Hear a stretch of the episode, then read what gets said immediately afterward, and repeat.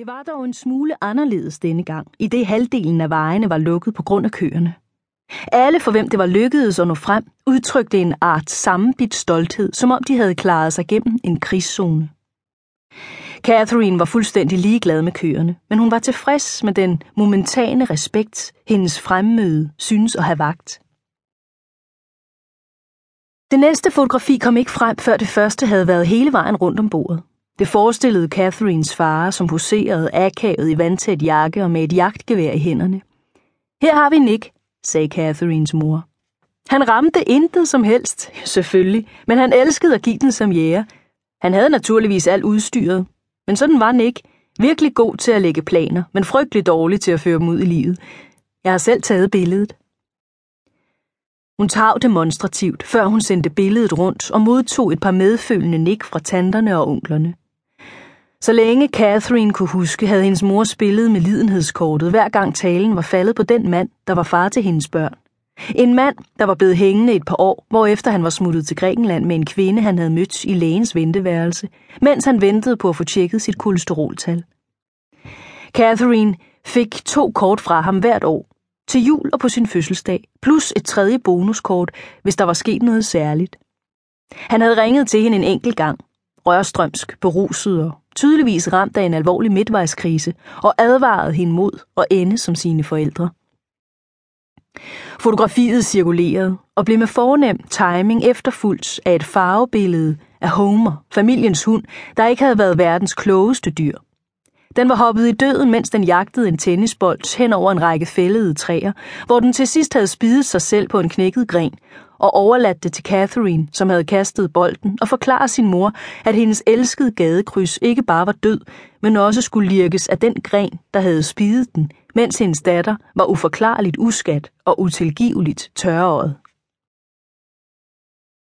Det næste og viste det sig sidste fotografi var Daniel med julehatten halberuset på sned og hævet glas fra en kongelig position bag en stor kalkunsteg. Åh, sagde Catherines mor, her er Daniel. Se, sådan en dejlig dreng. Mødte I nogensinde Daniel? Nå ja, han var med til det der arrangement for et par år siden. Så charmerende. Jeg holdt så meget af ham. Stakkels Catherine. Han er bare en mulighed, der forsvandt. Ikke sandt, søde ven? Egentlig ikke, sagde Catherine. Nej. Stadig et ømt punkt, sagde Catherines mor og smilede moderligt til Catherine. Noget hun udelukkende gjorde, når der var andre til stede. Daniel klarer sig bare så godt for tiden. Ja, selvfølgelig.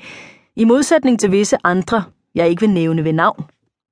Hendes blik forandrede sig som tallene på et digitalur og blev strengere. Det er så let at komme til at sidde fast. Er det ikke? Hun stak det sidste billede tilbage i pungen, lukkede den og lagde den ned i sin håndtaske, så alle havde mulighed for at kaste et hurtigt blik på Catherine, og derefter se tavst og forlegent ned i bordet, indtil kaffen kom. Her undskyldte Catherine sig høfligt og gik ud på badeværelset for at flå en toiletrulle midt over. Catherine brød sig ikke om at opfatte sig selv som trist.